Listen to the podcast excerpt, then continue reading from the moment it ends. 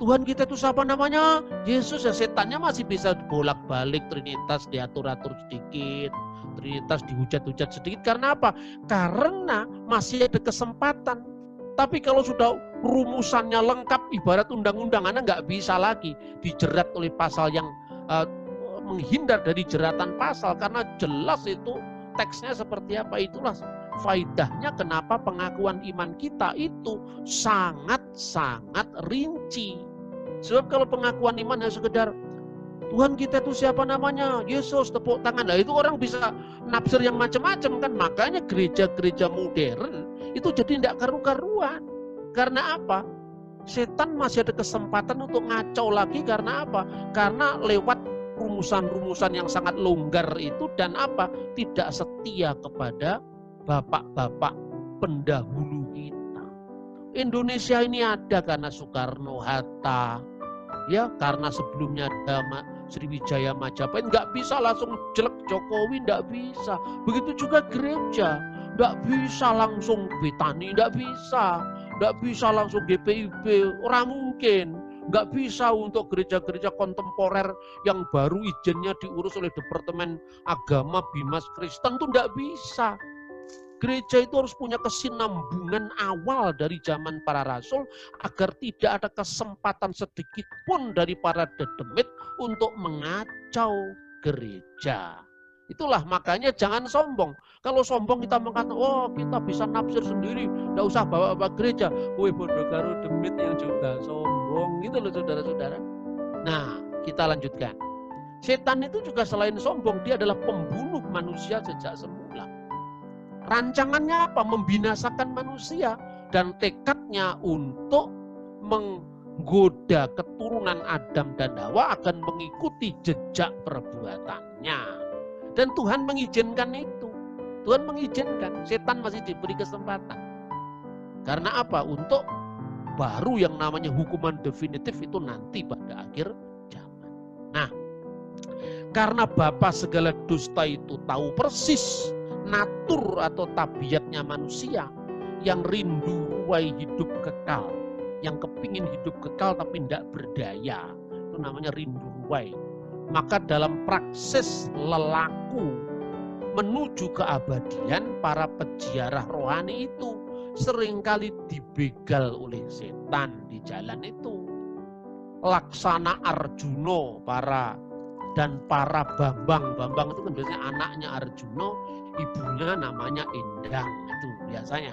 Arjuna itu kan ada cintak itu. Berarti bapak saya nggak cintak jadi dia apa di dia apa cintak itu apa ya? Playboy itu ya kira-kira. Di apa padipuan-padipuan itu kemudian gudai anaknya pendeta. Ya, biasanya ibu pendeta itu namanya Endang tapi sekarang ibu pendeta namanya Magdalena Maria dulu namanya Endang biasanya yang lahir dari anak itu namanya Bambang, ada Bambang Wisanggeni, Bambang Abimanyu, Bambang Irawan, Bambang Priambodo itu anak-anaknya Arjuno. Semuanya digoda oleh cakil. Artinya apa? Kalau bapaknya digoda oleh cakil, cakil itu simbol setan atau demit tadi, maka anak-anak keturunannya para Bambang tadi juga digoda oleh cakil. Karena cakil itu representasi dari sikap drengki, serai, jahil, metakil, koyo buto cakil. Jadi artinya apa itu? Iri, dengki, jahat, penuh tipu daya dan kelicikan. Maka jalan setan yang paling halus, ya seperti karena goda anaknya pendeta tadi. Jalan setan yang paling halus itu luar biasa, yaitu jalan keagamaan. Oleh karena itu apa? Di dalam Alkitab dikatakan gerde satana karena setan itu meddame bimalaka dinukra bisa menyamar sebagai malaikat terang. Jadi membo-membo dadi wong apik membo-membo dadi pandito bahkan justru menyamar dengan spirit keagamaan. Itulah sebabnya terbukti bahwa tauhid yang mulia monotisme yang mulia ternyata bisa kerasukan setan lah kenapa kok monotisme bisa kerasukan setan? Lah setan sendiri juga percaya pada keesaan Allah kok. Karena setan sendiri percaya dengan keesaan Allah, makanya ketika kita hanya mengatakan Allah itu esa, Allah itu esa, Wis seruh mas, wis seruh. Sudah tahu sejak zaman dahulu kala itu. Tapi karena tidak dijelaskan keesaannya seperti apa, itu kan konsepnya itu yang mau dirusak setan. Judulnya dipakai tapi isinya dirusak. Kedua, perilakunya dibelokkan. Bertentangan dengan spirit monotisme sendiri. Kalau Allah itu satu, maka komitmen kita hanya kepada satu. Kalau Allah itu satu, kesetiaan kita, pengabdian kita hanya kepada satu. Maka tauhid Allah setan atau monotisme setan itu adalah wahdaniyah bil adat hanya keesaan bilangan satu dua tiga tadi. Tapi ngelmu tanpa laku. Ilmu tanpa melaksanakan. Ortodoksi tanpa ortopraksi. Padahal katanya Sinuun Mangkunegoro yang keempat, ngelmu iku ilmu itu kelakone kan dilaku terlaksanya hanya terlaksananya oleh karena dilakoni, dilaksanakan. Makanya iman tanpa perbuatan adalah mati. Itulah sebabnya monotisme setan harus ditingkatkan pada kelas yang lebih tinggi yaitu monotisme Ibrahim atau the ethical Abrahamic monotheism. Nah ini gambarnya monotisme bisa kerasukan setan itu gambarnya ISIS. Ini bukan bendera tauhid Islam loh ya. Ini ISIS ini. ISIS itu tauhid pun bisa kerus, kerasukan setan karena apa? Itu gambarnya itu dibegal buto cakil. Makanya kalau buto cakil bisa digeret sama Arjuna itu lalu dimasukkan ke jurang ya baru umat terbebas dari tipu daya buto cakil yang drengki serai jahil metakil dahuwen patiopen. Nah dia apanya dahuwen patiopen tuh usil ganggu orang. Wong orang ndak ngomong ke dia kok dia GR sekali. Itu namanya dahuwen patiopen. Artinya apa? Ganggu orang, nyalah pahami orang. Gitu loh. Nah saudara-saudara, tauhid etis Ibrahim itu bagaimana? Perhatikan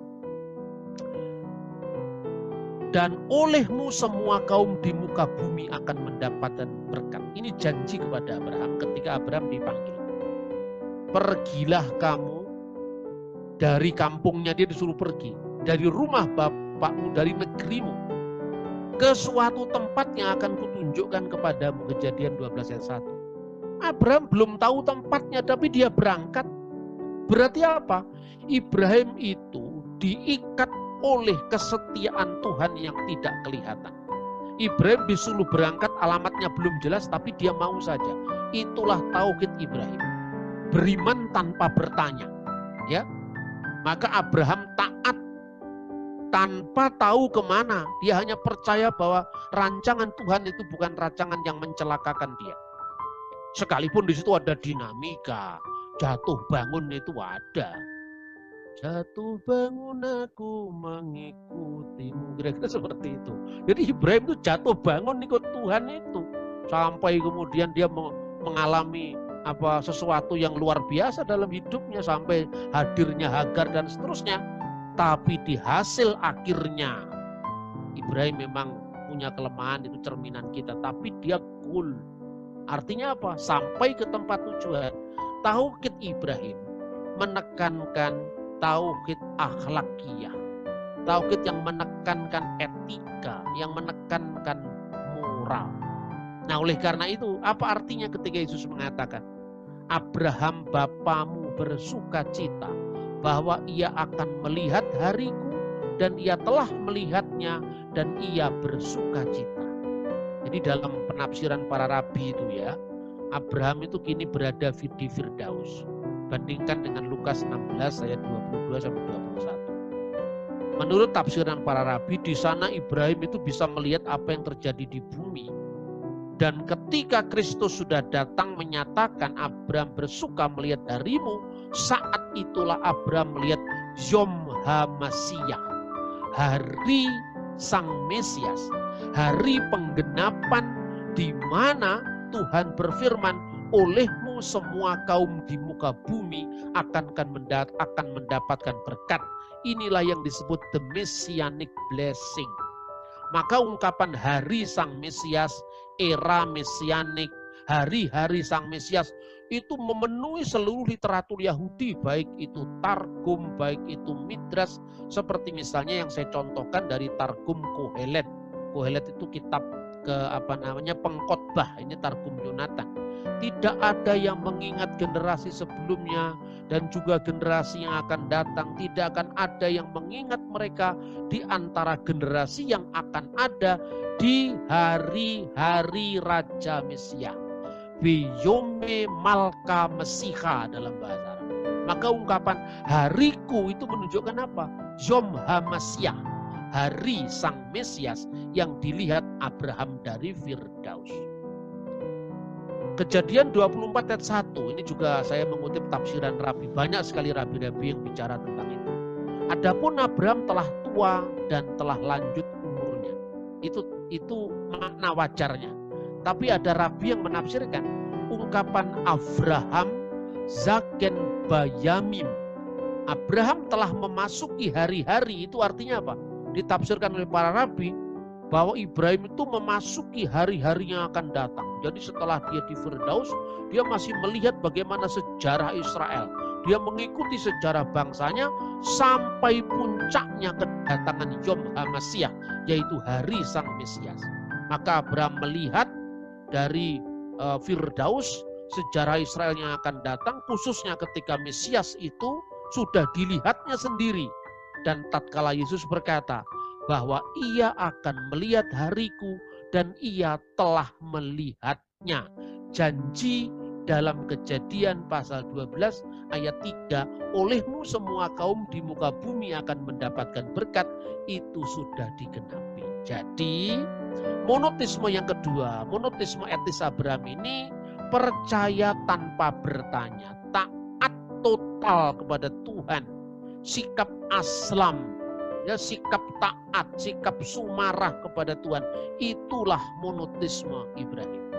Tetapi dengan kedatangan Injil Kristus yang dimasurkan oleh para rasul, Rum pasal 16 ayat 25 26 mengatakan menurut Injil yang kumasyhurkan dan pemberitaan tentang Yesus Kristus sesuai dengan pernyataan rahasia yang didiamkan berabad-abad lamanya tetapi yang sekarang telah dinyatakan dan yang menurut perintah Allah yang abadi telah diberitakan oleh kitab-kitab para nabi kepada segala bangsa untuk membimbing mereka kepada ketaatan iman. Jadi dengan kedatangan Kristus, apa yang ditulis dalam Sefer Beresit dalam kitab kejadian itu sudah digenapi. Sekarang pernyataan rahasia yang didiamkan berapa-dapat itu telah dibuka oleh para rasul. Artinya diberikan kepada para rasul, dimasurkan oleh para rasul. Dan diterus sampaikan secara tanpa putus oleh muridnya para rasul. Dari muridnya para rasul generasi pertama ke muridnya para rasul generasi ketiga sampai bapak-bapak konsili sampai gereja sekarang. Makanya bicara tentang Kristus yang sepenuhnya Allah, sepenuhnya manusia, itu bukan baru pada konsili Efesus atau konsili Kalsedon itu sudah ada tahun serat, tahun seratusan pemahaman seperti itu dari kitab suci.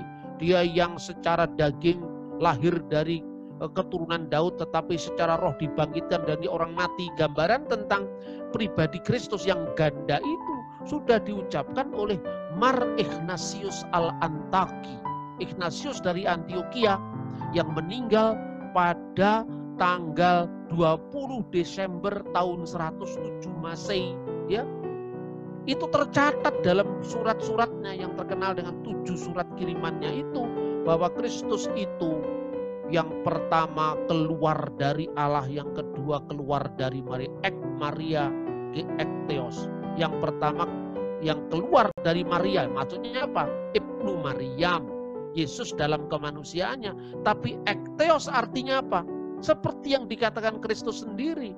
Kalau kamu percaya Allah itu Bapamu, kamu mengasihi aku. Sebab aku keluar dan datang dari Allah. Oke lah orang bisa menafsirkan. Kata keluar itu artinya bukan eksistensial Pak. Keluar tuannya Yesus berasal dari Bapa. seperti nabi-nabi juga berasal dari Bapa. Banyak yang nafsir begitu. Tapi ini yang ngomong ekteos itu muridnya yang nulis Injil. Kamu mau apa? Yang ngomong begini Ignatius muridnya yang nulis Injil. Lah pangkatmu tinggi mana wong kamu bukan saksi sejarah. Sepinter apa pun teolog dapat sekarang, dia bukan mata rantai yang langsung punya hubungan dengan para rasul. Gitu loh saudara-saudara. Maka berpikir harus berpikir historis. Tidak cukup hanya di otak atik matuk. Apalagi tidak matuk. Nah sekarang terakhir saudara-saudara. Jadi bagaimana dengan monotisme yang ketiga? Nanti pada minggu depan saya akan lanjutkan pembahasan yang lebih dalam tentang Trinitas. Tiga varian dalam pemahaman tentang Tritunggal. Sekarang dasarnya dulu. Saya menyebutnya the holistic Trinitarian monotheism atau the holistic salvific monotheism. Saya terjemahkan dalam bahasa Jawa. Trini Jisuci margining kaswargan. Jadi Trinitas yang maha suci yang adalah jalan kepada keselamatan surgawi. Jadi Tritunggal atau keesaan Tuhan itu bukan sekedar satu dua tiga Pak Gendut naik kuda tadi bukan sekedar bisa membilang Tuhan. Tetapi ini meyakini bahwa Tuhan itu satu, tetapi juga apa uh, pewahyuan atas kesatuan Tuhan itu menurut bapak-bapak gereja, bapak gereja muridnya, bapak gereja sebelumnya, bapak gereja muridnya, bapak gereja sebelumnya itu murid-murid bapak apostolik, bapak apostolik muridnya apostel sendiri, apostel muridnya Yesus itu. Ini cara berpikir yang sifatnya historis. Jadi yang pertama, ini dalam kaligrafi itu tertulis, ya. Asal-usul muqaddas, Trinity suci, Tritunggal Maha Kudus. Pertama at-tauhid. Tauhid yaitu keesaan. Yang kedua sarikah atau relasi, ya, persekutuan. Dan yang ketiga wahayat dan kehidupan. Maka Tritunggal tidak hanya bicara soal jumlah, soal bilangan, soal wahdaniyat bil adat, tapi juga wahdaniyat bin nisbah, relasi. Itulah sebabnya dikatakan dalam Alkitab, ya. Kasih Allah, kasih karunia Tuhan Yesus Kristus dan kasih Allah dan persekutuan Roh Kudus dalam 2 Korintus pasal 13 ayat 13 nikmatu rabbina yasu al-masih wa makhabatullah wa sarikatu rohil kudus ma'akum ajmain. Amin. Itu itu ada persekutuan. Maka Tritunggal itu tidak hanya menyangkut jumlah tauhid tetapi juga relasi dalam dalam kesatuan itu yaitu syarikah atau apa? Atau uh, apa namanya? Persekutuan. Ya dan yang ketiga, hasil dari semuanya itu proyek keselamatan dari Tuhan, yaitu hayah hidup yang kekal.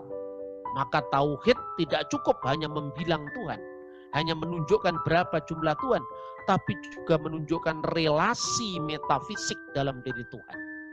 Yang disebut dalam bahasa dogma perikuresis, hubungan saling mendiami antara Allah wujudnya disebut Bapa, Bapa itu eksistensinya.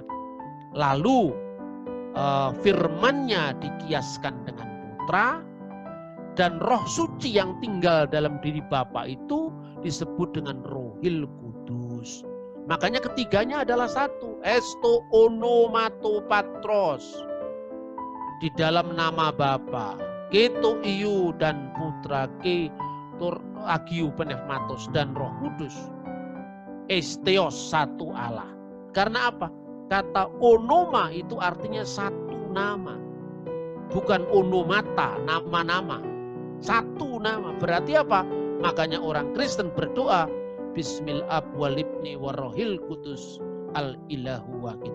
Demi nama Bapa, Putra, Roh Kudus, yaitu Allah yang esa bukan Bapa, Putra, dan Roh Kudus, yaitu Tuhan Yesus, bukan.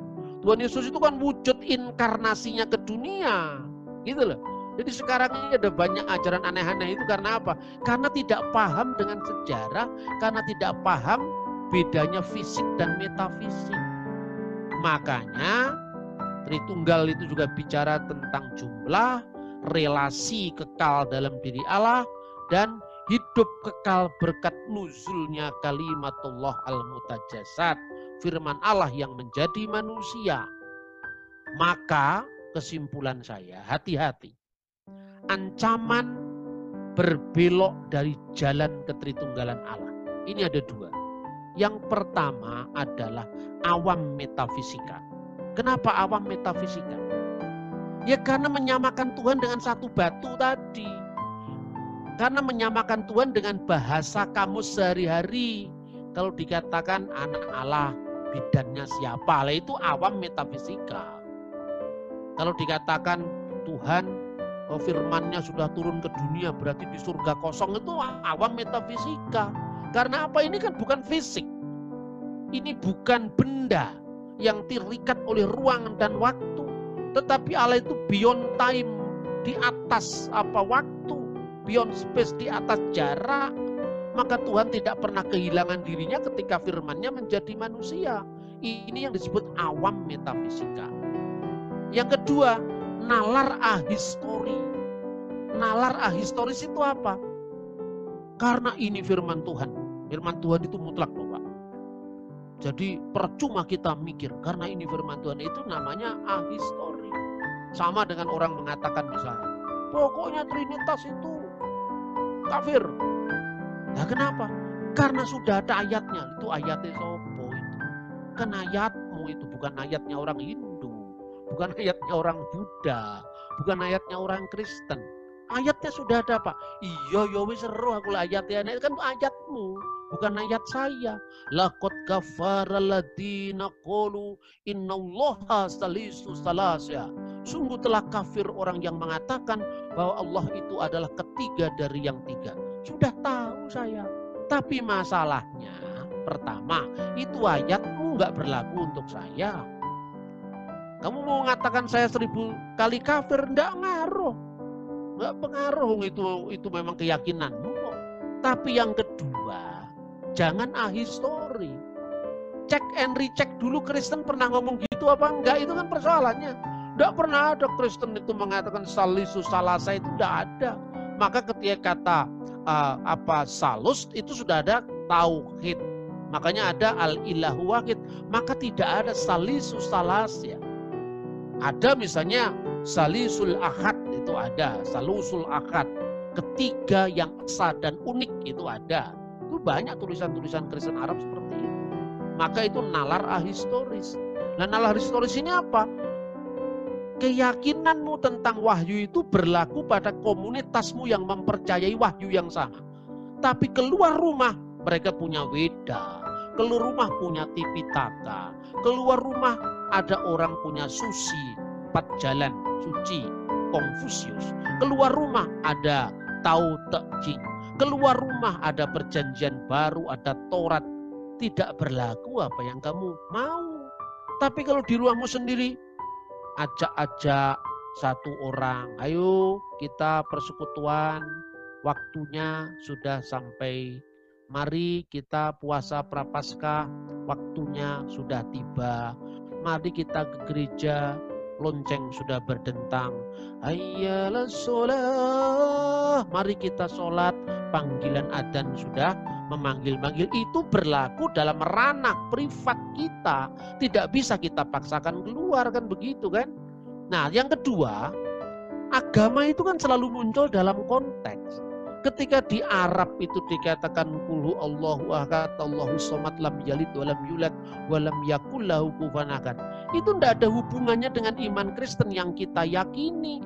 Karena kita juga yakin Allah itu tidak beranak dan tidak diperanakkan seperti fisiknya manusia, fisiknya sapi, fisiknya kadal atau komodo. Bukan itu maksudnya. Maka dikatakan lahir dari Bapa sebelum segala abad itu artinya bukan kelahiran fisik. Dan karena Allah itu tidak beranak dan tidak diperanakkan secara fisik. Tidak butuh pengandungan, tidak butuh kelahiran, tidak butuh bidan, tidak butuh rumah sakit, tidak butuh BPJS. Karena ini memang bukan kelahiran fisik. Yang ungkapan yang penting tadi sekaligus menyudahi presentasi saya yaitu awam metafisika. Karena kita ini saudara-saudara, saya akan bicara tentang gereja Jawa karena gereja Jawa ini kiranya juga bisa menjadi contoh ya bagi misalnya gereja ortodok yang baru datang ke Indonesia. Kira-kira uh, keluasan apa yang mencoba disampaikan untuk ranah lokal kita.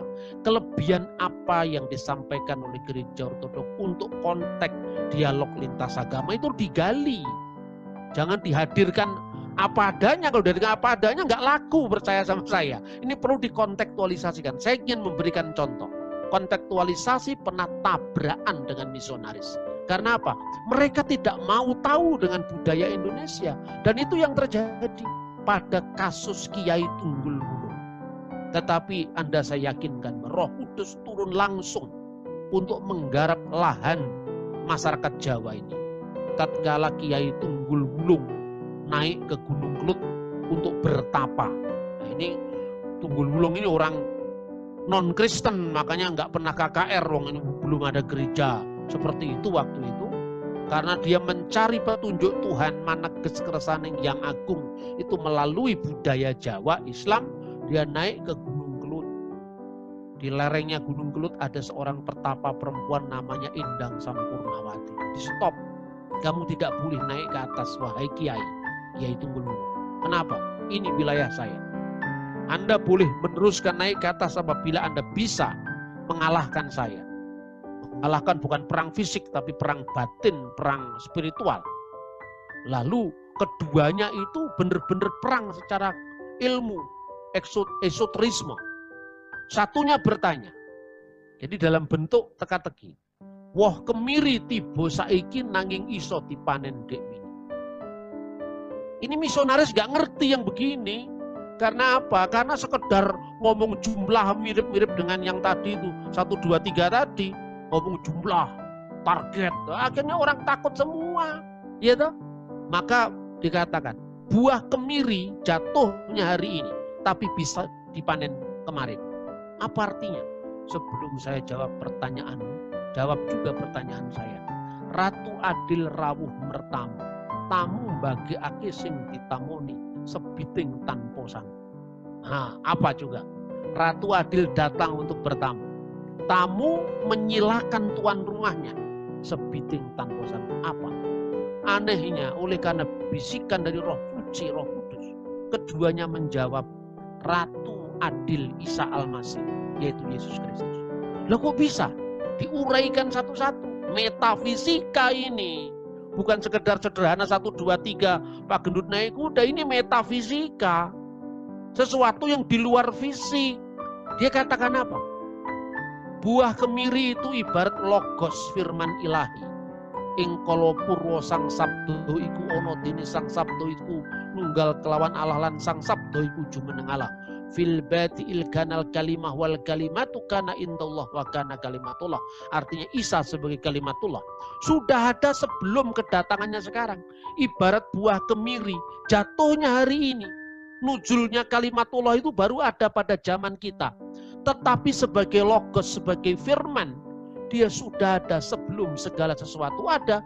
Karena segala yang ada ini diciptakan oleh firmannya, oleh logos.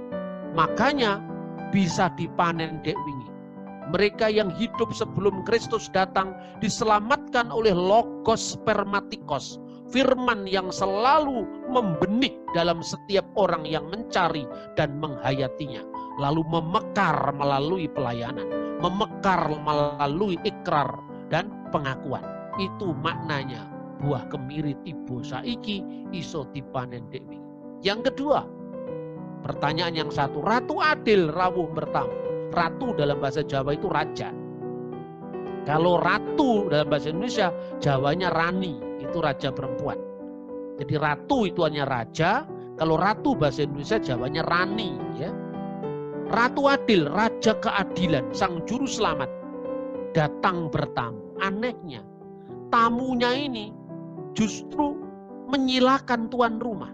Kok aneh? Iya, karena pemilik rumah yang sebenarnya tamunya ini. dia datang kepada milik kepunyaannya dan milik kepunyaannya tidak mengenal dia. Karena apa tidak mengenal dia? Karena sebiting tanpa sangu. Karena dia datang dalam kepapaannya. Inilah inkarnasi firman Allah. Inilah nujulnya kalimat Allah. Coba diajari siapa Kiai Tunggul Hulu. Misionaris mana yang mengajari dia? Tuhan langsung yang memanggilnya Kiai Jawa ini dari Gunung Kelut dan akhirnya dia dibaptis setelah tujuh tahun pencariannya oleh Dumeni Jelesma, pendeta Jelesma di desa Mojowarno, Jawa Timur. Itulah yang menjadi cikal bakal dari kekristenan di Jawa. Jadi saudara-saudara, jelas bahwa tiga tahap monotisme ini sangat serius dalam menghayati jalan kita kembali kepada Tuhan sangkan paran alfa dan omega asal muasal dan tujuan kita semua.